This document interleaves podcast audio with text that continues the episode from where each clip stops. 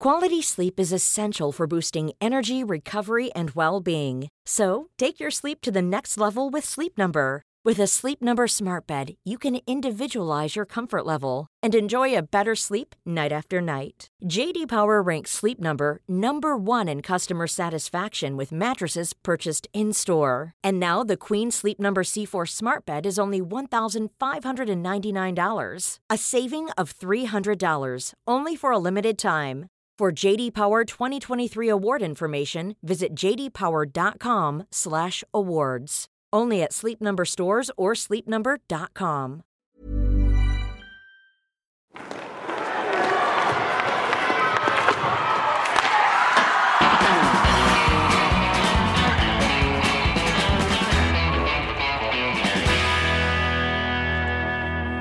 Ja, men vi börjar med en liten trevlig sång. Du får gärna hänga på Dicken om du vill. För det här är en special, speciell dag. Det är nämligen Abris födelsedag. Ja må han leva, ja må han leva, han leva ut, ut det hundrade år. Ah, stort grattis Abris, hur känns det? 52 bast. Ja, jag fyller kortlek du. Ja just det, just det. Vad, mm. vad fick du för present av din underbara familj? Ja, jag blev ju lite trackad för mina presenter förra året, att de var lite tråkiga. Så jag bara önskade mig såna här flashiga grejer. Så jag fick mycket, många goda viner och eh, god champagne. Aha. Så jag ska vara lite mer hipp. Jag är lite mer hipp. Jag hade väl typ såna här eh, pyjamasbyxor och någon slips förra året va? Ja, du fick väl eh, rakvatten också, var det inte så? Nej, det, börjar bli, det är slut på så det kanske jag inte har fått. Ja, det är bra. Eh, hoppas du har haft en eh, fantastisk eh, bemärkelsedag i alla fall. Eh, och att du får leva många lyckliga år till. Hur har din helg varit då Dick? Ja men det har varit bra. Fullt upp. Eh, barna har stått på skottramp och det har varit träningar och eh, man har varit eh, tränare helt enkelt. Så att är full fart inom hockeyfronten. Och så hann du med lite paddel. Vem piskar du upp på söndagskvällen? Ja men det var två, eh, två väldigt duktiga spelare. Jag och Nina där hade, hade show ute på PDL Värmdö. Så att, ja men det är en bra, bra söndagkväll där ute i paddelhallen. Härligt, härligt. Eh, det har varit en oerhört händelserik eh, vecka i Hockeysverige och du och jag Abis, körde ju en specialpodd om Djurgården och Leksand. Det var ju stora förändringar där, i alla fall för Djurgården. Det var lite nyheter för Leksand, de valde att förlänga med Björn och Thomas Johansson och Petter Kambro. Eh, men Dicken, det som har hänt i Djurgården då, vi går igenom det. Eh, du har ju inte fått uttal riktigt om det. Eh, man väljer att bryta med Barry och Barry tyckte att det var helt okej. Okay. Och så under söndagen här så har man värvat in Stefan Warg från Örebro och gjort av sig med Lorito, nordamerikanen. Hur mår Djurgården, Dick? Nej men de mår såklart inte bra. Eh, förlusterna traskar vidare och eh, spelet ser väl lite bättre. Men i det stora hela, nej. De har satt sig i en liten situation. Eh, och tanke på Barry där liksom. Han, han, kom in sent, hade ett års kontrakt. Det kändes liksom som en, som en flopp från början. Och fick inte med sig spelarna alls. Toppspelarna under, underpresterar. Eh, och eh, det har bara rullat på. Eh, inte stoppat blödningen än. Han fick inte med sig toppspelarna på grund av att han inte kunde eh, var en tillräckligt duktig tränare som kunde förklara sitt spelsätt? Eller vad var det som gjorde att de inte köpte hans tankar om ishockey? Ja, men jag vet faktiskt inte. Jag vet att han fick ta över spelidén. Eh, spelade lite annorlunda, var 1-1-3 eh, om jag inte minns helt fel. Och, ja, jag vet inte. Han kunde inte dra alla toppspelare åt samma håll och det vart... Eh, och då går det inte att vinna hockeymatcher såklart. Så att, eh, och sen valde väl han att avbryta själv där. Så att nej, han, eh, han kunde inte varit nöjd med det, med det hela. Eh, om man såg den här, eh, Djurgården valde att berätta om nyheten på, vi ska se, eh, det blir ett dagvill där, ja men det var måndags eller tisdags. Och sen hade man en presskonferens dagen efter. Om man hörde den här presskonferensen med, med Barry och Jocke så valde båda två att sätta enorm press på spelartruppen. Att nu är det upp till spelarna. Eh, varför tror han gjorde så här, Abris? Därför att han ville sätta press på spelarna, tror jag. Jag tror att de ja. eh, känner att det är för många som har underpresterat och att eh, en del av det säkert kan ha att göra med, med, med Barrys intåg då. Att han aldrig riktigt köpte honom som, som ledare och tränare och det var ju ett ettårskontrakt också så det kändes ju som en väldigt märklig märklig lösning från början. Och eh, det är väl liksom, nu har man ju ryckt det här sparka tränarkortet så nu finns ju inte den effekten riktigt kvar heller. Så nu gäller det ju liksom att få, få igång spelarna. Sen om det är om det är rätt väg att gå, det vet jag inte. Jocke har väl varit ute och hotat spelare tidigare offentligt. Om det var förra säsongen. Det kanske Dick har bättre koll på. Men jag har för mig att det var, att det var förra säsongen. Det var ju intern-tv där han slängde dem framför bussen ja. rejält vet jag. Ja. Och eh, nu var det väl inte lika lika liksom eh, brutalt på det sättet. Men det var ju ändå väldigt tydligt att det liksom att man är grymt missnöjd på, på hur spelarna har agerat under den här perioden. Då, att man vill ha en förbättring där. Vad, Dick, vad blir det för effekt i eh, ett lag när sportchefen eh, och tränaren som får lämna nu går ut och säger att ja, men det är upp till spelarna?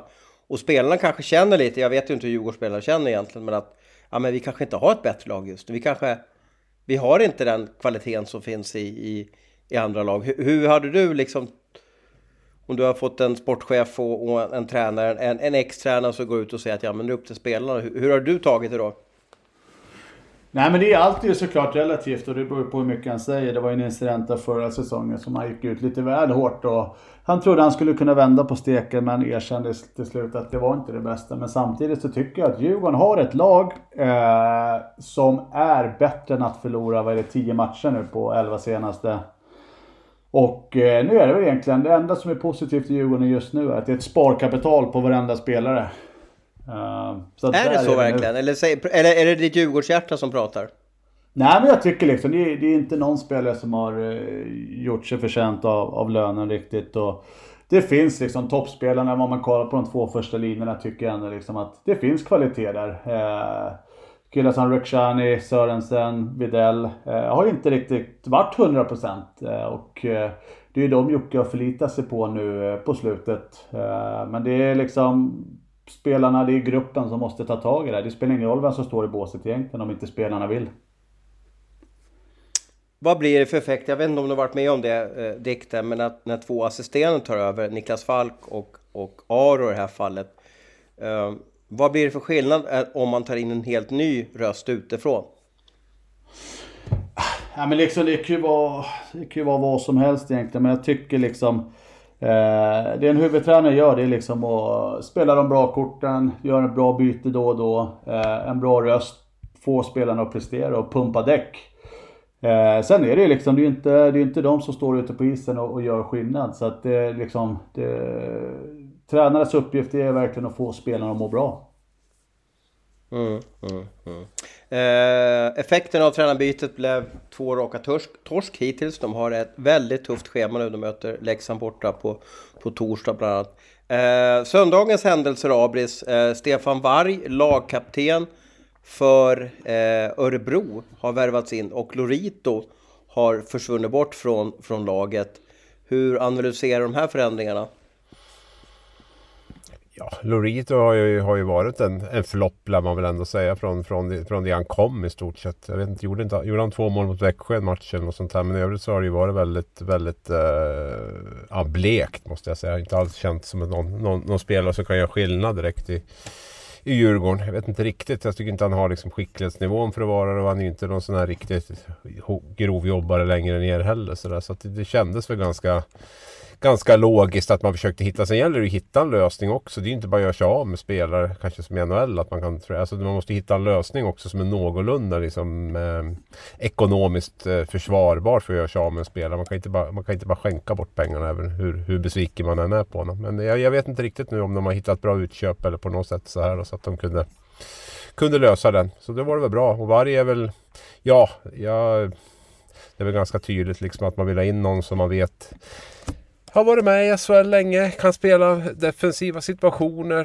eh, på ett hyggligt rejält sätt och sådär. Det är ingen hemlighet att Djurgården har varit extremt svaga i det här heta området framför egen målvakt. Och det är väl, det är väl framförallt där som, som, som Varg ska göra skillnad då för dem. Vad jag förstår också så är det ju väldigt eh, det finns ingen stor marknad av spelare liksom, utan det är eh, väldigt begränsat och eh, det gör väl också kanske att man tycker att det är ett, ett vettigt alternativ. Då.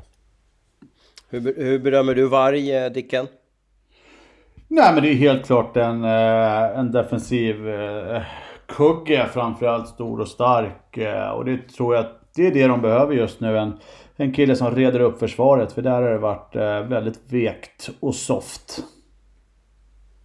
Mm. Bra på att boxa ut. Jag är lite förvånad att en lagkapten, alltså Örebros lagkapten, eh, han har visserligen fått mindre med speltid, men, men, men eh, någonting har nog hänt bakom kulisserna. För att en, en lagkapten i min hockeybok är ju på något sätt immun från att bli eh, ja, försvinna från ett lag. Den har man ju liksom byggt på när det handlar om teambuilding och, och att den ska vara röst utåt mot, mot tränare. Jag har ju hört att det inte har varit helt friktionsfritt mellan, mellan varg och delar av, av tränarstaben. Att det är en anledning att man kanske, ja, båda parter känner att det här är jättesvårt att, att eh, komma vidare från. Vad säger, eh, vad säger Abris? Ja, men han har ju inte haft, han har ju inte haft speciellt mycket istid och sen vet jag inte. Det lägger runt 13 minuter, kanske sjunde back när det gäller istid och sådär. Så han har inte haft något jätteförtroende. Det är klart det blir en knepig situation med, med kaptener som, som, som inte spelar så mycket. Djurgården hade väl Henke Eriksson där. Nu var väl han på ett lite annat sätt så det funkar väl ändå. Men det, det är ju inte så, det är ju inte så vanligt med, med, med, med spelare som, som lagkaptener så långt ner i hierarkin heller. Sen finns det väl säkert privata orsaker också kan, kan det vara till att han att han väljer att, att, lämna Örebro. Det kan ju hända sånt också i ett, i ett lag ibland. Mm. Spännande. Jag älskar ju sånt här. Det här är ingen trade på något sätt utan, utan det är en övergång. Eh, Djurgården valde att släppa Ekberg till Leksand för eh, någon vecka sedan också. Och det är spännande när, när det händer någonting i SHL, att det blir liksom en dynamik. Sånt där tycker jag är trivsamt när det sker. Men du, innan vi släpper Djurgården. Eh, det ryktas, Dick, här om att du har haft ett hemligt möte med Djurgården. Oj, berätta gärna mer om det. Ja, men var, var inte du på någon träning här och, och, och pratade med spelarna och ledarna och sådär? Vad, vad gjorde du på Hovet? Vi hade nämligen en, eh, en, en deep throat inne på den här träningen och eh, han sa att ni måste eh, skjutjärnsintervjua Dicken om vad han gjorde på Hovet. ja men precis. Jag hade egentligen varit eh, ute på Hagsätra Sport. eh, slipat lite skridskor, köpt en ny klubba till Junior. Åkte förbi Hovet när de tränade helt klart. Eh, och satt faktiskt och hade ett otroligt bra samtal med båda sportcheferna. Eh, Tobias Persson och eh, Jocke Eriksson och tog en kaffe och pratade om livet. Eh, roligare än så var det inte, men eh, så var det. Vad, vad, vilka tips kunde du ge dem om spelet och, och vad fick du för känsla av att de, att de var lite bekymrade över?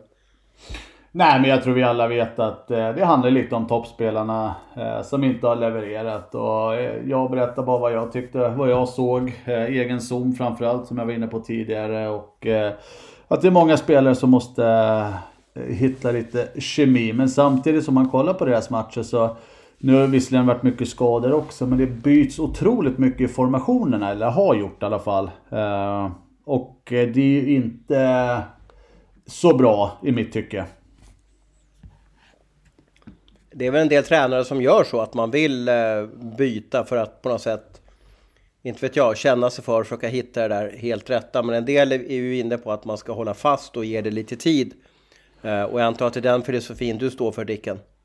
Ja men precis. Eh, det går ju liksom inte att byta match efter match även fast det är skador. Så man måste hålla ihop några kedjor tycker jag. Men det är också en grej där att Barry kom in sent. Han visste väl liksom inte vilka, vilka spelarna var egentligen heller. Och bytte runt. Och det, det ger ingen självförtroende i truppen, så mycket kan jag säga.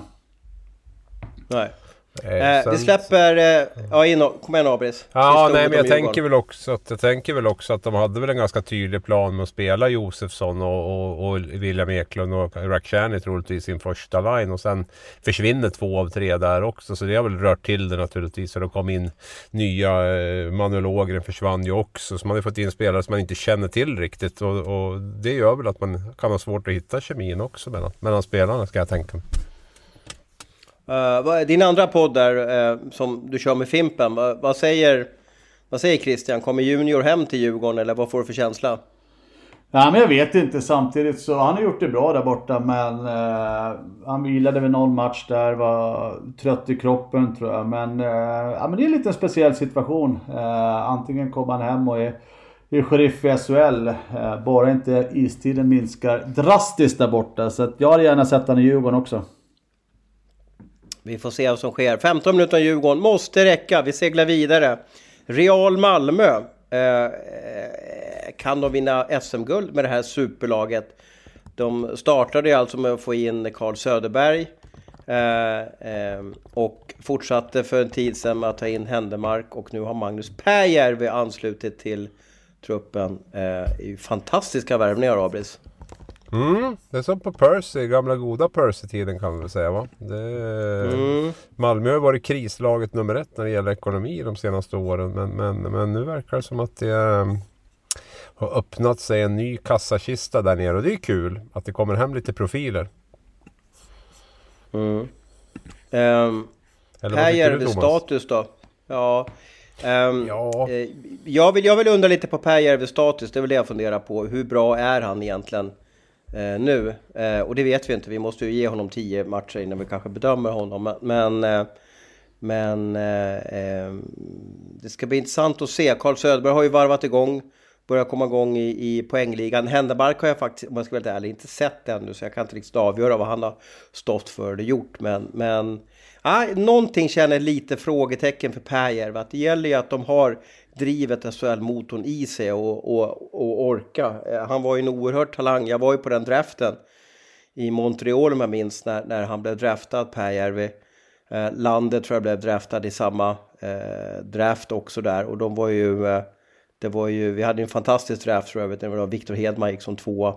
Ehm, Eh, men han slog ju aldrig väl ut, utan han blev ju aldrig etablerad NHL-spelare och, och bytte väldigt många klubbar, hamnade i KHL var med och vann VM-guld också här för några år sedan. Men äh, någonting, jag, jag får någon lite konstig känsla att det kanske inte är en, en, en, en, en Per Järvi som blir den här jättestjärnan. Jag har hjärtat fel för en oerhört trevlig person, men, men någonting känner jag att, nej, jag vet inte riktigt hur bra han är.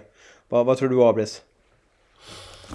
Men ja, jag tror som du lite grann. Det handlar nog mycket om hur motiverad han är. Just det här att han har varit väldigt tveksam till vad han vill göra. Det känns nästan som att han har funderat på om han ska fortsätta spela hockey lite grann. Eller ja, jag vet inte. Men han har ju gått i alla fall och dragit ganska länge på beslutet här och eh, han Kanske behöver nog vara dick, väldigt... spela paddel.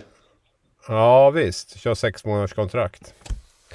Så att, eh, ja nej men han måste ju vara väldigt sugen. Är han sugen och motiverad och i bra form då, då kommer han ju vara en, en, en riktigt bra SHL-spelare. Men det, det är det vi får se lite grann. Men det kan vara en ganska tuff liga att komma till på det sättet. Att man måste ju ha fart på grejerna i alla fall för att, för att kunna spela här. Och det har väl inte varit någon sån här dundersuccé sen han återvände från Nordamerika till KL där heller. Det har ju blivit lite sparsamt med poäng och sådär bytt klubb och lite, lite så. Så det, ja, det är, jag håller med dig, det är ett frågetecken. Men jag hoppas att det är motiverad om man väljer att nu komma hem då till, till Malmö.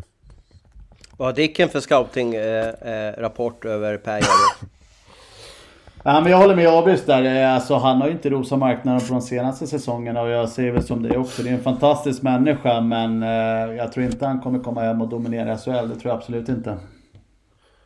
Hur känner man sig, eh, du som har spelat hockey väldigt nyligen, eh, eh, Dick här, alltså han, han har ju då valt att, att liksom ligga lite lågt, nu tar det lugnt och så varvar han igång typ första ja, november kan vi ju säga då. Eh, vad ger det dig för signaler? Eh, hur, hur, hur, hur tänker han? Hur funderar han?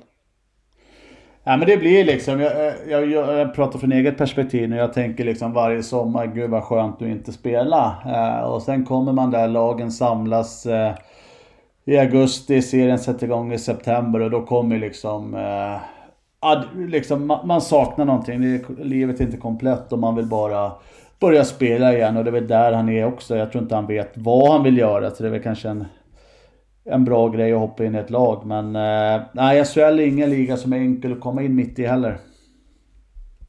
Vad är det viktigaste? Är det, är det farten på, på, på rören? Är det det som, som måste vara ett måste?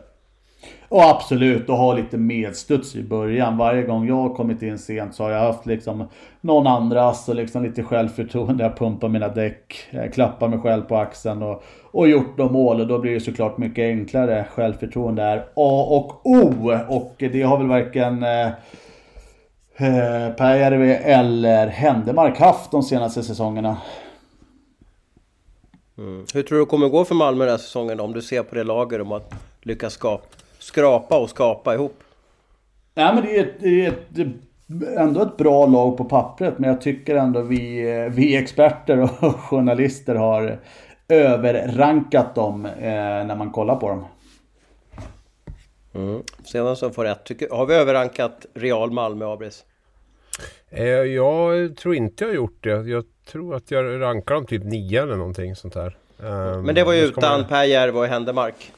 Ja, sen har jag inte tippat någonting efter det. Men jag är inte så säker på att de blir eh, topp 6 för det. Utan jag, jag tror att de kan eh, kan eh, ligga där någonstans mellan plats 6 och 9 bör de ju vara, tror jag. Och sen får vi väl se lite i ett slutspel. Jag menar, skulle Söderberg och Pääjärvi och, och Händemark och Boman och de här vara var jävligt sugen på, på att försöka vinna någonting så klart att då kan de ju bli en, ett obehagligt lag att möta. Men jag, jag tycker inte riktigt spelmässigt att Malmö sitter ihop än. Alltså det, det är för, för mycket upp och ner tycker jag. Och jag, jag känner inte riktigt att de har den här topplagspondusen på något sätt. Utan det är, de, de, de letar efter någonting. Och jag, jag, vi får se om Fagervall är rätt man och liksom sätta ihop bitarna eh, på exakt rätt sätt för att bli ett, bli ett topplag om vi säger så. I, i framförallt i slutspel. Eh, som du säger, Malmö har ju inte kanske rosat marknaden här. Eh, startar i säsongen bra men har tappat lite därefter. Eh, hade jag varit Djurgården, Timrå eller Linköping eh, så hade jag känt, aj då. Nu kan vi räkna bort ett lag, så vi kanske skulle haft en möjlighet att, att nå fatt. För jag tror inte Malmö kommer riskera att bli ett bottenlag med det här laget. Det skulle göra mig väldigt förvånad. Eh, och då blir det ju färre och färre lag som bottenlagen just nu i alla fall, Djurgården och Timrå, liksom har chans att nå ikapp.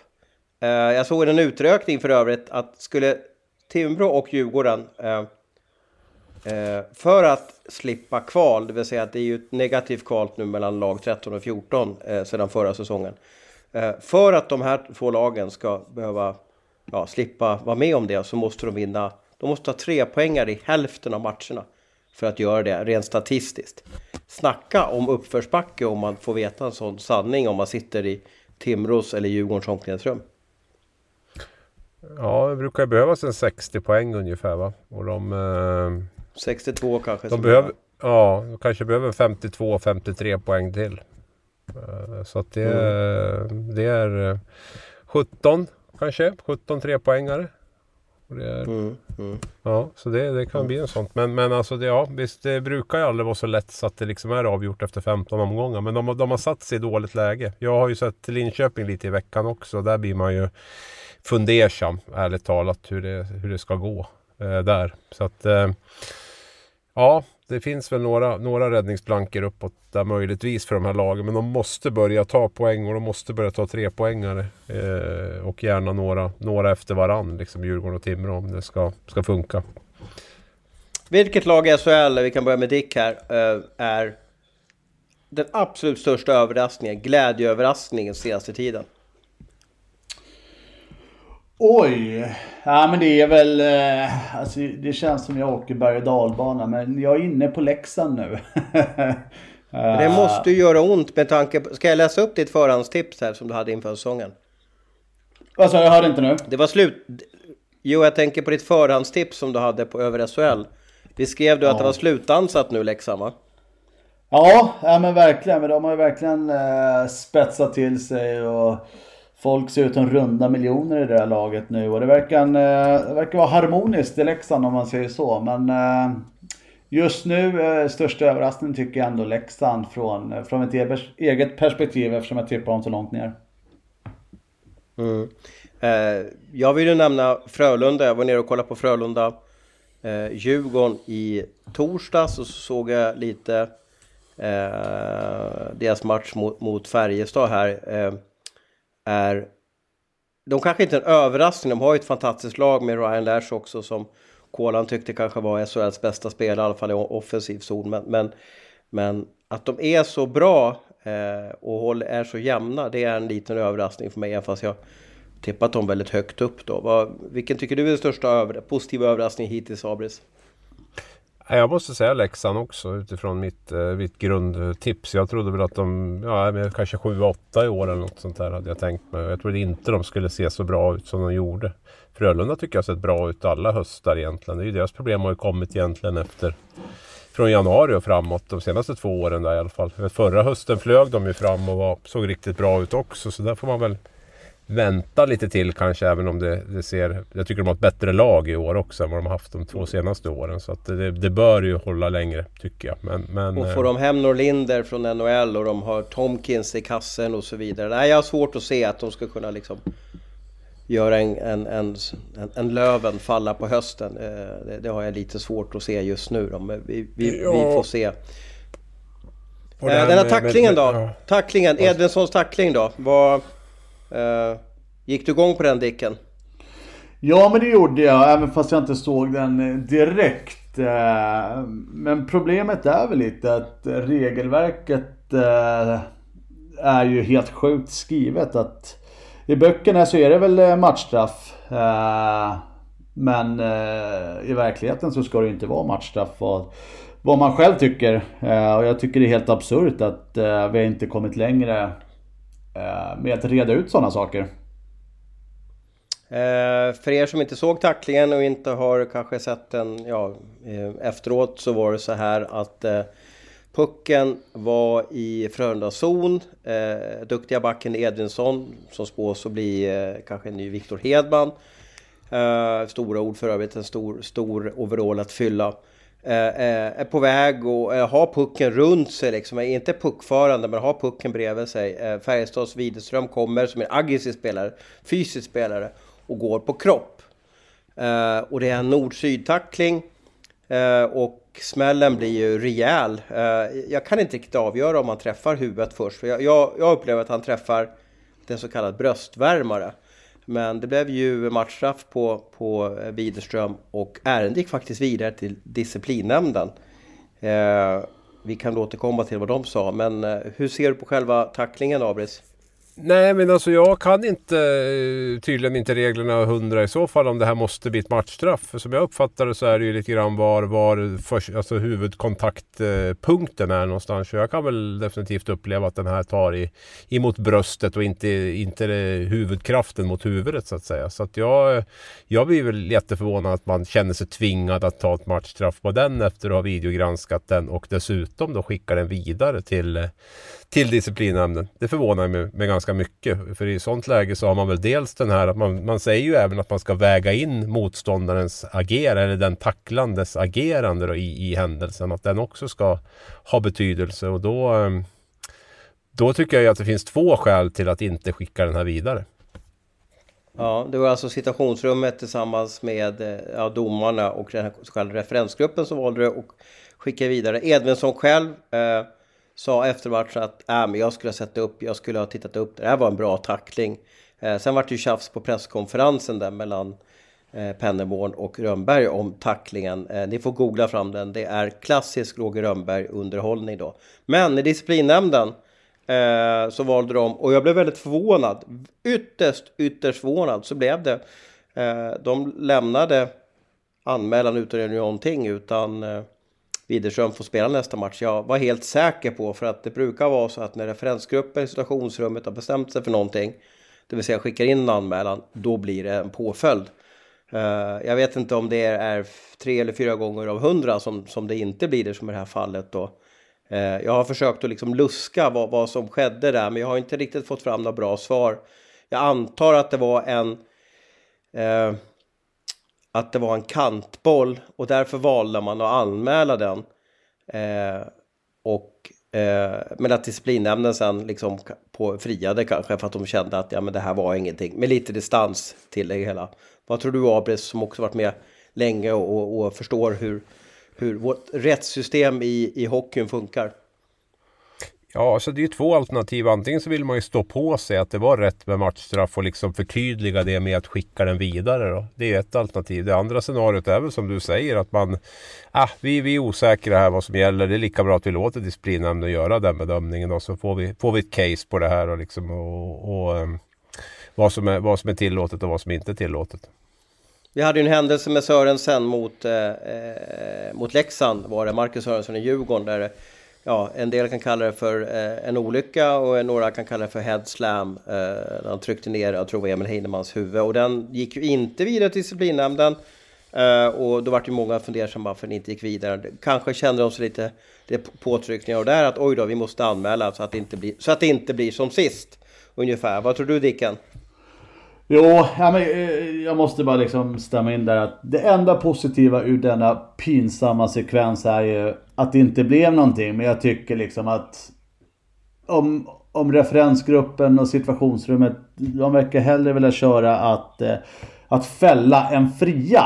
Eh, få mig att liksom bli helt varm i kroppen och arg faktiskt. Eh, det känns, börjar kännas mer och mer som att du har ett syfte att ta pengar från spelarna. Det är väl liksom, det är helt absurt att den där tacklingen ens går vidare. Och att det blir matchstraff och hela den incidenten. Nej, jag, eh, jag blir rosenrasande. Jag tar ditt namn Rosen. Mm. Eh, det var ju nämligen så här också att, det var det de pratade om på presskonferensen efteråt, Penneborn och Röm, Rönnberg, att eh, Frölunda ledde ju med 2-1 i matchen. Eh, man fick spela 5 mot 3 som en följd av den här utvisningen och en utvisning på Jakob de la Rose och då gör man 1-3 matchen. Jag vill inte säga att man punkterar matchen. Eh, Färjestad var ju så dåliga så att man lyckas bara göra ett mål och då kanske man inte ska vinna en match. Men den här matchstraffet, den här fem minuterna eh, hjälpte Frölunda att gå segrande ur striden. Så, så vill jag säga. Men du, du ska ju praoa i situationsrummet då. Vad, vad, hur har du tankar på att förändra, förändra rättssystemet, Dicken? jag har skrivit ner, jag har fem A4-sidor här som, eh, som jag ska dra upp när jag ska, när jag ska dit och kolla läget. Uh, men det är liksom, jag tycker nivån är för dålig. Uh, och som jag sa, i mitt fall så är det bättre att fria än fälla men uh, de verkar köra tvärtom. Och, de behöver väl pengar till julbordet här som kommer. Det är väl den anledningen tror jag. Men måste, måste vi inte skriva om regeltolkningar? Är inte det här problemet här Abis? Ja, men jag har ju sagt det att jag, jag, tolk, jag tolkar ju den här som att man verkligen kan fria den här enligt regelboken. Ni får gärna rätta mig och jag får säkert någon, några, några mejl efter det här. Men jag, jag, jag, har ju sagt de två faktorerna som jag tycker gör att man inte, absolut inte behöver ta ett matchstraff på den här. Och det är just vad kontakt, första kontaktträffen är då och sen eh, det motståndarens, eh, den tacklades agerande. Då. Och det är, de två sakerna har de i alla fall sagt till mig att, att det, det har stor betydelse i, i bedömningen. Mm. Som sagt var, inget eh, mer straff för, för Pontus Widström och Edensson mådde väl helt okej okay efter smällen också. Eh, fantastisk back. Ni måste, om ni har lite att göra och vill ha hockeygodis så ska ni kolla på hans framspelning eh, i matchen Djurgården, eh, eh Frölunda-Djurgården som han slänger fram till, jag tror det heter Ryan Lash. Oh, det är som en sån här quarterback-passning som, som bara pucken rusar iväg 35, eh, 35 meter och liksom ramlar på bladet på Lash. Det är Dick Axelsson klass över den passningen tycker jag. Håller du med Dicken? Ja, helt rätt. Eh, och sen Ryan Lash avslut som gick igenom Mantas Armali. Så att det var... Ja, den ge... när, när jag kände det målet där, du ska få flika in där Dick, då kände jag att allt går emot Djurgården. För det var precis så det var. Han skjuter ju, men av någon anledning så känns det som att pucken bara försvinner in i naveln på Mantas och ramlar in i mål. Ja men verkligen. Och självförtroendet på Lash är 100% och självförtroendet på Djurgården är 0. Så att eh, ja, det, det är uppförsbacke på, på Djurgården och nedförsbacke för Frölunda. Men du, din trätobroder då, eh, Joel Lundqvist blev ju störst i eh, Frölundas historia. Han passerade Niklas Andersson. Jag tror att han gjorde sitt 625 poäng i den här matchen. Eh, det är ju en fantastisk siffra, Dick. Är det inte otroligt att Joel Lundqvist blir bästa poängplockare i, i, uh, i Frölunda? För att han, han, är ju en skicklig spelare, men det är ju inte Ryan Lash-klass på honom. Nej, precis. Eh, nej, men han är liksom, han håller sig framme. Eh, och speciellt nu på slutet så har han ju öst in poäng från det heta området som statistiken säger. Men han har varit med, han har gnuggat, han har varit lojal, han har varit Frölunda och... Ja, men jag, jag lyfter på hatten och, och verkligen säger grattis. Så det skickar jag även ett sms till honom också idag. Eh, så att nej, kul. Men eh, nej, det kunde man nog inte tro med sådana spelare som Frölunda haft. Vilken emoji slängde du med till grattis-smset där då? Eh, en smiley med, vad är det, tre hjärtan. Eh, som, eh, Aha, det var lite gulligt. Det var lite ja, gulligt. ja, det var lite Vad fick du för svar av, av store Joel då? Jag ska faktiskt kolla upp det lite fort, men han skrev... Han skrev, nu ska jag få upp det här bara. Eh, jo men jag tackar. Galet hur många ass man har lurat till sig. Hehe. Eh, så att, eh, men jag tror han njuter av det där faktiskt och det är en fantastisk prestation. Eh, eh, och att han fortfarande lirar är ett under, måste jag säga. Mm, mm. Hans bror tvingas ju tyvärr att avsluta karriären där. Eh, han är ju lite som lite Sveriges Jager måste jag säga där, eh, Joel. Eh, forwards brukar inte hålla så här långt upp som, som han gör. Han är väl född 82 om jag minns rätt och, och ska alltså fylla 40 nästa år. Är det huvudet eller kroppen som är problemet att orka spela så länge, Dicken? Ja men han, eh, hans kropp är magnifik. Han har ju muskler på varenda del så att... Eh, han, han, har kört sin fys. Eh, han har tagit hand om sin kropp. Eh, som jag inte gjorde så att jag fick lägga av i 34 och... Eh, han är ett föredöme, ett fullblodsproffs och många har mycket att lära från, eh, från Mr Joel. A lot can happen in the next three years. Like a chatbot may be your new best friend. But what won't change? Needing health insurance. United Healthcare Tri Term Medical Plans are available for these changing times.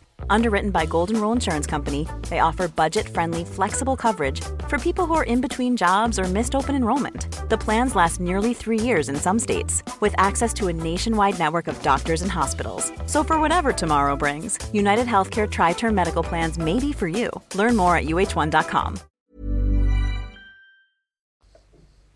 Uh, om du ska kärleksbomba Joel Lundqvist, Abis, vad, vad, vad nämner du då för något?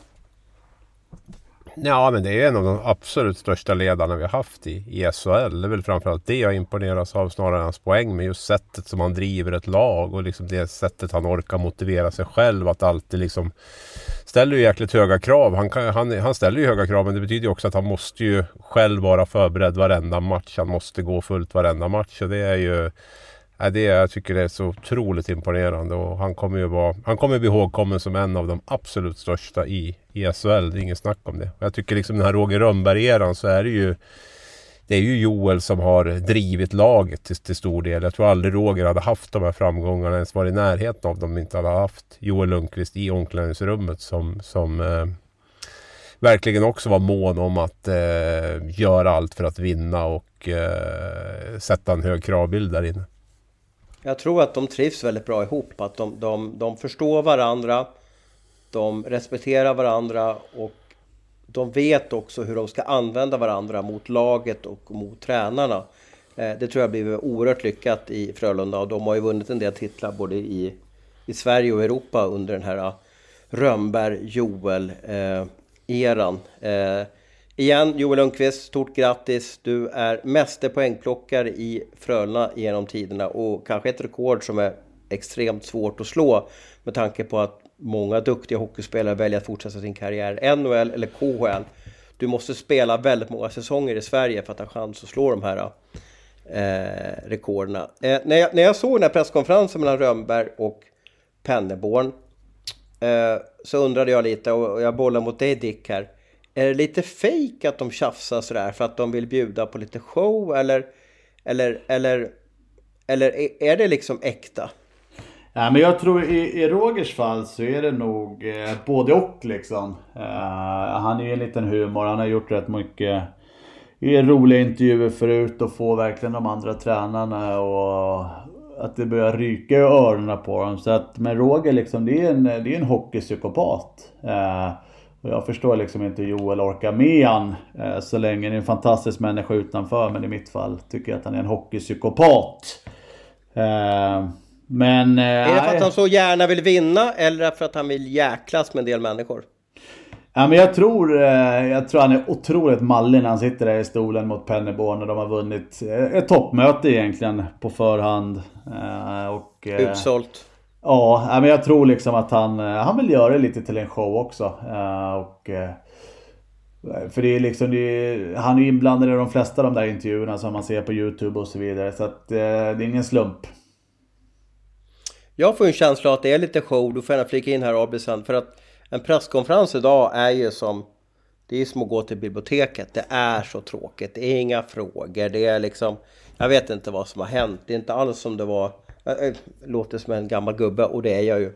Eh, men, men det var lite bättre förr. Det var lite mer frågor, det var lite mer journalister, det var lite mer dynamik på det hela. Uh, idag får jag känsla av att, att de som sköter presskonferensen vill sätta igång sin videokamera. Uh, få det här snabbt överstökat så de kan ladda upp de här 27 sekunderna på, på, på, uh, på hemsidan. Men Roger är ju den som vågar och har självförtroende som kan bryta av. Eh, jag såg eh, en klassisk presskonferens, jag tror det var förra säsongen, eh, mellan Geron och då, då när, när Geron Dahlgren i Färjestad gick in i pressrummet så sa han till lokalreportern ja men nu ska du få se, nu ska jag bjuda på show. Och då när, när presskonferensen nästan var slut så slängde han fram den här. För övrigt eh, och inte så sa han så här att så ska Kartago förstöras utan så han sa så här för övrigt så tycker jag Frölunda är Sveriges största filmare. Och det var när allting var slut. Och ni kan ju tänka på, det var ju liksom, det var ju showtime deluxe när han sa sådär liksom. Och då vart det ju, jag vet inte om Hockeysverige vinner på det här, men media gnuggar ju händerna. Eh, och, och, det vart ju en härlig catfight där framme på, på podiet. Och jag tyckte det var kul i alla fall. Men det är ju så, så som jag är skapt. Jag vet ju inte om, om Frölunda tyckte det var kul. Jag vet inte om SHL tyckte det var kul. Jag vet inte hur Färjestad ser på det. Jag vet inte hur fansen ser på det. Men jag tyckte det var, det var roligt att det hände någonting på de här oerhört tråkiga presskonferenserna. Um, fyll i lite här Abis hur du ser på allt sånt här.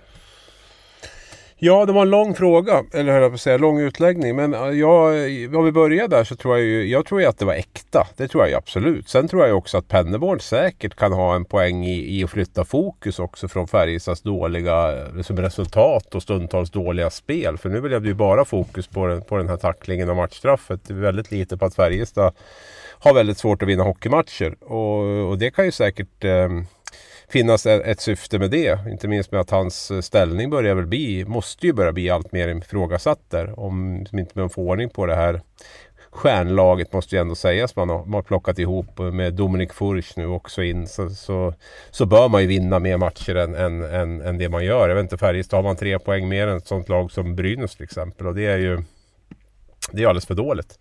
Så att eh, sen tror jag att alla presskonferenser som, som innehåller liksom Eh, ja men alltså som hettar till lite och som det där är diskussioner och sånt. Det tror jag är bra. Det, det, det är så det ska vara. Jag, menar, jag tycker många av dem där är väldigt givande. Den diskussionen som var nu var väl, var väl bra också i, i långa delar. Jag menar Rönnberg var ju också inne på det här med Edvinssons ansvar och det är ju något helt nytt. För det har jag efterlyst i många år att man ska prata mer om det här. Jag tycker det har hänt mer de sista två åren med, med att man eh, belyser det också. Och, och det, det, hörde vi ju aldrig för ett par, tre år sedan. Utan då var det ju liksom bara... Man tog ju bara sin egen spelare i försvar oavsett vad han hade gjort nästan, tycker jag. Så att eh, det var ett långt svar också. Mm, lång fråga ger alltid långt svar. Eh, så ska det vara, så är det i journalistiken. Eh, vi lite fokus på Dick då. Hur går det med din hockeykarriär? Du spelar ju för Brödernas HC. Eh, ni hör kanske vilka som sponsrar laget i division 4, Mellersta i Stockholm. Eh, hur går det för dig? Ja men det går bra. Eh, har ju spelat en match och en period egentligen. Det var ju seriepremiär för någon, eh, någon fredag sen och eh, Nina var bortrest. Jag hade båda barnen och sa så här, ah, men jag kan komma och spela en period. Sen måste jag hem och lägga Junior. Så att den perioden gick jag poänglös. Eh, fick en ny chans. Eh, även fast den mediokra insatsen senast. Eh, Eh, 3 plus 3, Saltsjöbaden borta, vann med 15-2 tror jag. Så att hockeylivet leker. Det var, jag satt och kollade lite matchfakta. Eh, det är ganska stökigt de här matcherna. Det vart väl eh, matchstraff såg jag där. Ja men precis. Hugo Rosas eh, kände för att slänga handskarna och börja slåss lite. Nej men det blir lite... Vi ledde med 11-0 efter två perioder och det blev en incident framför mål. Och, Saltsjöbadens spelare skulle mopsa upp sig lite och vissa sväljer det där med, med hela, hela kroppen och eh, det blev ett rallarslagsmål eh, som man håller sig borta ifrån i, i division 4 tycker jag. Eh, hur är det att spela i de här matcherna? Nej men jag, det är ju mest egentligen eh, det här brödernas grundare av bröders är barndomskompisar till mig och eh, jag har ju alltid varit på det här egentligen. Antingen spelar jag på den bästa nivån som jag kan eller så spelar jag inte alls. Så jag är väl lite i valet i kvalet där om, om man ska göra någon mer match faktiskt. Eh, det är liksom, det, det tar tid och det är inte fullt seriöst. Så att, det är lite lurigt.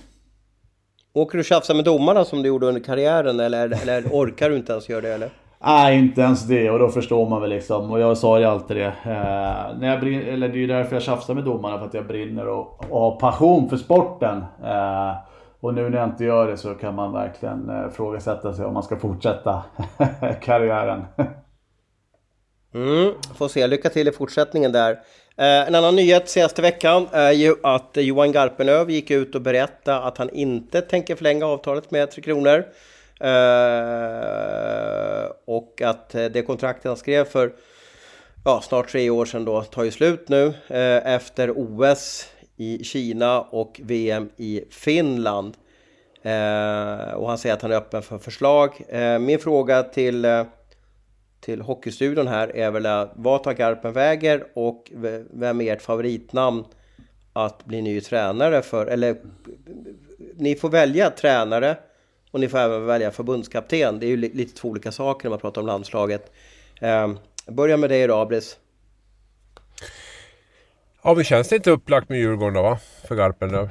Uh, ja, väl, man, var liksom, när man skrev ett år med Barry Smith så kände man ju lång väg att de har ju något, de har ju ett namn. Men, men som, som coach eller som sportchef då, eller hur tänker du? Alltså, jag hur... tänker nog att de har tittat lite grann på en NHL-organisation. Jag, jag, skulle kunna tänka mig att Garpenlöv bli någon typ av headcoach där. Men, men, men att han har ganska lite, alltså att han har två assisterande tränare som driver själva den dagliga verksamheten.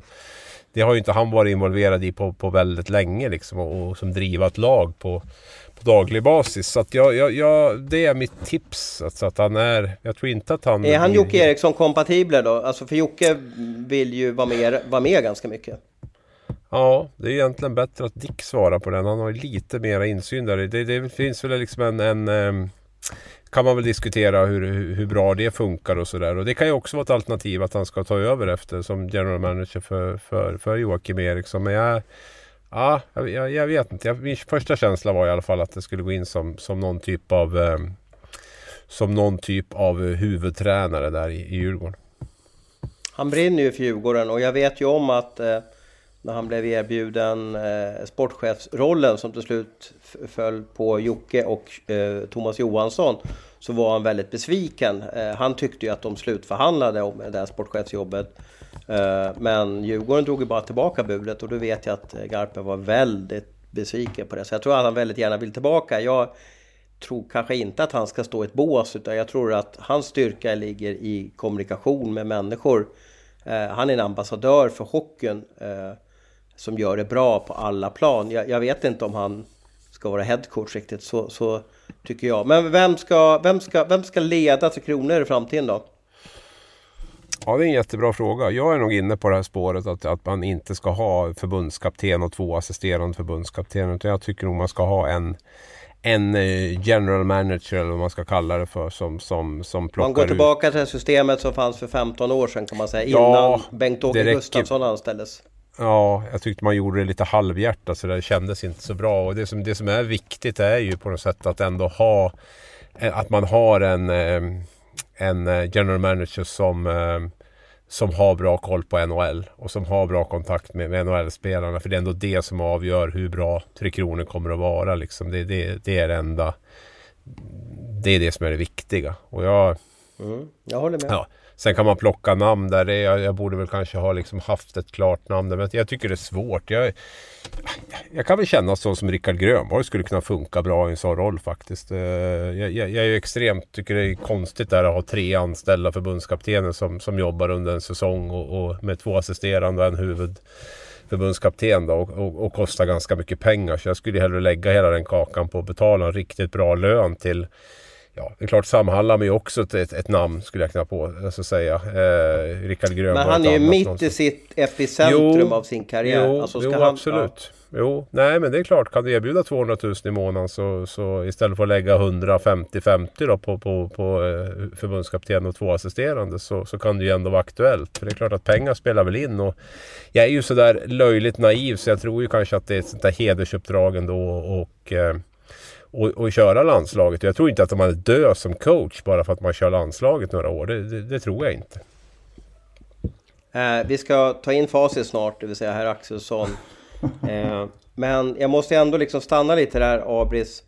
Och sådär. Eh, är det inte bättre att man har en, lite som Kanada jobbar, och, och, och har en general manager som så tar in sina tränare till viktiga mästerskap, typ VM, OS World Cup och sen låter vi de här små turneringarna. Ja, men det får, det får liksom... Ja, det, det, får kanske coacher i, vad heter det, på förbundet sköta. Hänger med? För att de är ju egentligen bara en utbildningsfas för de bästa spelarna i Europa. Som sällan är med när vi är framgångsrika i OS eller VM. Så, så, så jag kan tycka. Så att vi behöver kanske tänka om och, och tänka lite, lite nytt där. Eh, så. Men vi tar väl in facit nu då. Dicken, vad, vad tror du? Garpen till Djurgården, eh, i, i, vilken roll och eh, tror du att det skulle funka? Och tror du att det kan bli verklighet? Ja men det tror jag absolut. Jag, eh, ja nu läser man mycket också liksom. Men jag tror att eh, Garpenlöv kommer komma till någon roll i Djurgården och det skulle inte förvåna mig om det blir tränare faktiskt. Han har ändå varit tränare i landslaget nu och jag tror att han vill fortsätta på den biten. Eh, men kanske skulle passa bättre som, som en sportchef eller general manager, helt klart. Du kan ju få ett ganska bra dreamteam där i, vad heter det, eh, i Djurgården med, eh, vad ska vi säga, Marcus Ragnarsson, backcoach. Eh, och vem ska vi ta som forwardscoach? Eh, vi drar till med, med, jag vet att Garpen och Ulf Dahlén är bra polare. Så vi säger de tre tillsammans i Djurgården. Det är väl ett skapligt dreamteam, Abris? Ja, jag tror nog han ska in någon yngre, någon yngre driven. Jag tänker sån som Micke Holmqvist kanske ihop med Ragnarsson eller något sånt där skulle jag kunna tänka mig. Jag har all respekt för Ulf Dahlén och så, men att sätta ihop de är, de är ju liksom 50-årsstrecket alla tre där med, med, med Ragnarsson och eh, både Garpen och, och Dahlén är ju äldre än så. Jag vet inte riktigt om det är det man ska ha nu utan man måste nog ha två stycken som kan jobba jäkligt hårt under, under Garpenlöv där i så fall. Mm. Eh, vi får se. Vem skulle du se som ny förbundskapten för Kronor, Dicken? Du har ju ändå VM-guld och fina, fina meriter i, i vårt folkkäraste landslag. Ja, jag har suttit och funderat på lite namn faktiskt, men kommer väl inte fram till någonting. Och sen när du la lilla, lilla fröet där med som de andra länderna har med en general manager. Och sen får man väl egentligen välja ut de coacherna som har varit bäst eller som arbetar mest eller bäst med just den. Och det, jag gillar det ni sa, eh, så jag satt och spånade vidare på det eh, i huvudet här faktiskt. Mm. Vi får se vem som blir general... Har du någon namn som general manager då? Alltså den som ska liksom bestämma, liksom sådär. Vem som ska liksom... Ja, vem som ska liksom hålla på med trolleripinnen och, och se till att det blir framgångar. Har du några bra namn där som ska leda Tre Kronor? Ja men eh, Kronvall eh, hade jag nog kanske sett. Han eh, ja, verkar spännande, älska, spännande. älska ishockey och drivande. Ja. Spännande. Spännande. Då, pratar vi, då pratar vi Niklas va eller? Ja, först och främst. Eh, Staffan kan gärna få hänga på också när han har avslutat sin eh, slipskarriär där i Simor. Härligt, vi får se om det blir verklighet. Eh, en historia som berörde mig väldigt mycket under eh, Eh, under den här veckan. Det var det som startade som en John Doe i eh, Nordamerika och sen till slut blev en otroligt sliskig och otäck berättelse med ett, ett riktigt ansikte utåt i form av Kyle Beach. Eh, John Doe för övrigt eh, var ju det namnet som, om, om jag liksom kan informera helt korrekt nu, eh, när, man inte, när man hade någon som hade avlidit under krigen och inte visste eh, eh, identiteten på den här personen så kallar man för om det var en man för John Doe, om det var en kvinna för Jane Doe då. Eh, och det är därför det här, det varit liksom som en anonym person då som har varit utsatt för hemskheter i Chicago Blackhawks i samband med att eh, typ bara några månader innan de vann Stanley Cup 2010 och det här 11 år senare då har matats fram. Chicago har gjort en, en gedigen utredning. De har intervjuat oerhört många människor och kommer fram till att oegentligheter har eh, försiggått och ledare i Chicago och har haft någon typ av kännedom att en annan ledare har burit sig Alltså bisarrt äckligt åt som man kan göra mot en ung hockeyspelare och den här unga hockeyspelaren då, Kyle Beach, valde att gå ut och, och ja, berätta att det är jag och så här känner jag idag och så vidare. Um, blev du tagen av den här storyn Dicken? Eller hur kände du som ändå har varit i branschen och varit ung talang? Eh, du har träffat, eh, eh, du har träffat många ledare och, och, du förstår ju den här rollen man har som ung hockeyspelare och som man är beroende av istid. Man är beroende av att få hjälp och komma fram. Eh, kan du känna för Kyle? Ja, absolut. Och hela historien är ju hemskt och hjärtkrossande. Och men det känns väl som att eh, på andra sidan pölen där så har det väl varit otroligt många sådana historier. Och eh, Det är oerhört tragiskt. Eh, men som spelare själv så har jag aldrig hört eller varit i närheten av något sånt. Så att... Eh, nej, det är... Varför tror du att det finns där men inte här? Ja, men jag tror liksom att... Eh, där borta vill verkligen alla vara bäst och alla vill spela och det känns lite mer som, som business eh, där borta. Eh, och det, det är bara en overklig värld, eh, känner jag. Okej, okay. vad, vad tror du Abris? Varför finns det ingen John Doe i Sverige? Som vi just nu ja. inte känner till. Eller finns Nej, det John det fanns, Doe i Sverige? Det fanns, fanns väl ingen i Nordamerika heller för, för någon månad sedan. Så det, det kan väl mycket väl finnas någon som, som, som kan träda fram. Och vi har väl... Eh, vi skrev väl om, om en liknande händelse i, i, en, i, en, eh, i en hockeyklubb för inte så många månader sedan och sådär. Så det är klart att det det vore ju idiotiskt att tro att, att hockey skulle vara förskonad för den här typen av, av människor som, som finns i, i, eh, i alla, alla sammanhang i samhället så, så, så inträffar ju den här typen av, av, av händelser och det finns ju den typen av människor. Så att eh, däremot så är väl hela hela mörkläggningen är väl den som, som, som suger mest i det här och inte minst kan jag tycka spelarfackets roll i det här är den som gör mest ont i mig på något sätt. För att eh, det är helt fel naturligtvis av klubb och, och general manager men de har väl ändå ett, ja, de har väl ett, ett syfte med det de gör och att det liksom är, man vill liksom inte att det ska solka ner klubben. Man, alltså, det är ingen ursäkt men, men alltså det finns någon typ av men ett spelarfack som ska stå upp för sina för sina medlemmar och, och, eh, och sopar under mattan. Det blir att man får ju... Nej, det gör ju ont i hela ens kropp liksom. Och det är ju samma, uh. samma ledare i, i NHPL, spelarfacket nu som det var, som det var då. Va? Så att det är väl, jag tycker det är fler som borde kliva av där.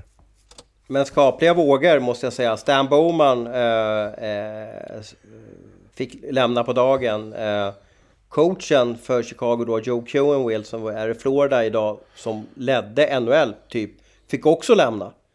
Det har varit rent hus. Det finns typ ingen ledare kvar från den här eran som eh, är, är aktiv idag på grund av att man vill i alla fall sätta ner foten att det här var rakt åt, nej jag får svära nu, åt helvete. Det, det gör mig i alla fall på något sätt lite stolt att det var sådana rejäla konsekvenser av den här rapporten. Eh, om jag minns rätt så har man till och med bestämt att ta bort den här videocoachens namn som var så avskyvärd mot, mot Kyle Beach. Hans namn ska suddas bort från Stanley Cup-pokalen. Ehm, eh, bara för att man vill markera ännu mer tydligt att det här var fel. Sen är det ja. ju konstigt och synd åt helvete att det har tagit 11 år och att ja. det måste till en rapport för att Verkligen. det här ska ske. För det här borde kanske ha skett redan på, på hösten eh, efteråt när man hörde att det fanns de här spåren och signalerna om vad som har skett. Ja, nu gör man ju allt för att nu har man ju blivit påkommen med händerna. Rädda sitt eget skinn, kan man säga ja, så? Ja, men exakt. Det är väl bara det det handlar om naturligtvis. Det är klart att man skulle ha gjort det här långt, långt tidigare om man skulle ha fått någon typ av respekt för, för sina ageranden. Det är ju, så, så är det ju definitivt. För det blir ju, ja, det är, väl, det är väl bättre än ingenting att det sker nu, men, men det är klart att det är alldeles, alldeles åt helvete för sent. Mm, mm. Eh, den här övergången är inte lätt att göra, men från ett väldigt känsligt ämne som jag egentligen kanske vill prata mer om. Men eh, jag hoppas att Kyle Beach kommer tillbaka. Eh, och får ett, ett han spelar faktiskt hockey fortfarande, om man minns rätt, i en lägre division i Tyskland. Jag undrar ju hur hade hans karriär sett ut om han inte hade varit utsatt för det här som förmodligen satte sådana griller och sådana hjärnspöken hos honom så att han hade nog kanske svårt att leverera efter det här. Och han ville kanske absolut inte vara kvar i Chicagos organisation. Han valde ju faktiskt att åka till HV eh, eh, några matcher där från Chicagos organisation och jag, jag skulle vilja fråga honom eh, om det var på grund av att han bara ville fly från den här personen som kanske sabbade hans liv då. Eh, men övergången jag ska göra nu är att vi ska försöka prata lite silly som inte absolut är lika viktigt ämne som det vi har berört men som lockar ett stort intresse. Jag tänkte att du ska få skaka din sillulåda Abris och så ska du få öppna locket här. Och vad, vad, vad, vad, vad ser du i sillådan? Vad, vad, finns det längst nere på botten och, och högst upp? Ja, men min sillylåda den är ju välfylld som vanligt vet du. Så det finns mycket gott, smått och gott här vet du. Det är, nej men alltså en favoritspelare till mig de senaste åren är Anton Bengtsson. Du vet ju min, min kärlek till, till Anton. Jag gillar ju honom eh, som spelare då. Ska vi lägga till. Eh, så att det inte blir några missuppfattningar i dessa tider. Och, eh, men i alla fall Anton Bengtsson har inte helt förvånande stort intresse från ett antal NHL-klubbar. Um, och det kanske inte man trodde för ett par år sedan att Anton Bengtsson skulle spela NHL. Men, men, uh, Grovjobbare HV71 som kanske behövde byta miljö, kan man säga så eller? Ja, Chris Abbott kände ju till, kände ju till Anton från HV-tiden där och såg ju någonting mer i honom än vad HV såg. Och jag, eh, på SHL-nivå tycker jag det är en otroligt bra spelare. Liksom alltid jag kan spela överallt. Eh, center i första kedjan, ytterforward i fjärde kedjan, gör alltid sitt jobb. Tycker ändå att han har liksom så här viss skicklighet. Han är inte dickskicklig liksom. Men, men, men, han är ändå, han är inte någon sån här han är ju i, i, inget stolpskott liksom så. Utan han kan, kan göra snygga mål och, och fram, men framförallt så är han ju otroligt lojal och, och, och pålitlig i sitt spel. Så att det är jättekul om det skulle bli eh, så för, för Anton. Eh, i övrigt, jag är, på tal om det, Leksand där har jag att um, de förlängde ju här med, med, um, med Björn Hellkvist och uh, Thomas Johansson och även Petter Kambro där som, som du la till. Däremot så har jag väl att Fredrik Hallberg är på väg bort från Leksand. Det ser inte ut som att han blir kvar. Nej, han, han, har ju hyllats som eh, alltså istränare, alltså varit, mm. har jag förstått. Ja, men, men det gäller ju att fungera och, och fungera i en grupp också. Det får ja. som händer. Där vi stannar vid Leksand där så har det kommit in röksignaler här från Leksands camping att eh, Ben Thomas, då tidigare Tampas organisation, eh, men på de senaste matcherna, två av de senaste matcherna har han haft noll i speltid. Att han sitter i frysboxen och är alla backar friska så kommer de spela på sex backar och då är han utanför laget. Eh, jag har fått ett litet rykte att Brynäs är intresserade av honom. Jag har inte fått det bekräftat. Men eh, det kan bli en häftigt Gävle-Dala-byte där, att han går till, till värsta fienden. Kanske Leksand är jätteglada för att bli av med lönen och, och, de har ju fått in Ekberg från, från Djurgården som har plus sju hittills. Eh, nu vet jag att du Abels inte gillar plus minus statistiken där men... Eh, ja, det kan jag bjuda på. Vad säger du mer om du skakar om lådan där? Ja, på tal om backa så har jag att HV letar back. Eh, kan väl hänga ihop mycket med att Emil André som är väl ligans bästa, Hockeyallsvenskans bästa back. Eh, offensivt i alla fall. Eh, drar ju på JVM här så småningom och det kan väl eh, hänga ihop till viss del med det skulle jag tro. Eh, Björklöven har jag också, jagar back. Eh, precis som Västerås. Så det är ganska tight backjakt i eh, framförallt Hockeyallsvenskan här. Men jag vet ju att även SHL-klubbar. Djurgården har ju fyllt sitt hål nu. Eh, Luleå tog in eh, Leppestö, fyllde sitt hål. Brynäs är ytterligare en förening som letar back. Så att, eh, ja, SHL-lagen börjar fylla på nu, men nu är det Hockeyallsvenskan som är på jakt. Eh, innan vi avrundar, vi måste ju pressa Dick lite där. Fick du inte en fråga från Djurgården om du var sugen att komma tillbaka? När du ändå satt på ditt hemliga möte där med sportcheferna. Nej, eh, men jag fick frågan om jag eh, tränar något. så Aha. Det, det var väl inte Hur ska den... man tolka det då? Nej, jag är nog passé. Um, och eh, har lagt det där bakom mig. Så att nej, jag, eh, han frågar mest hur, hur sommarformen var här som, som börjar om ett halvår eller vad det blir. Mm, mm. Mm. Ja, vi får se. Jag vet att du och Jocke, sportchefen, har mötts i padel. Så jag vet ju att han borde ha bra koll på hur du rör dig och hur du beter dig på en idrottsanläggning eh, kan man kalla det för. Eh, som vanligt 5 plus-arbete av Dick och Abris och 5 eh, plus till alla som orkat lyssna på oss idag. Vi ber om ursäkt för eh, ljudproblematiken som uppstod ungefär mitten. Vi får se om vår fantastiska eh, redaktör Julia kan trolla till det. I då fall så har ni inte märkt någonting. Men vi hade lite problem där med telefonuppkopplingen ett tag. Eh, ha nu en underbar vecka. Eh, kramas mycket och kör försiktigt i trafiken. Du har lyssnat på en podcast från Aftonbladet. Ansvarig utgivare är Lena K Samuelsson.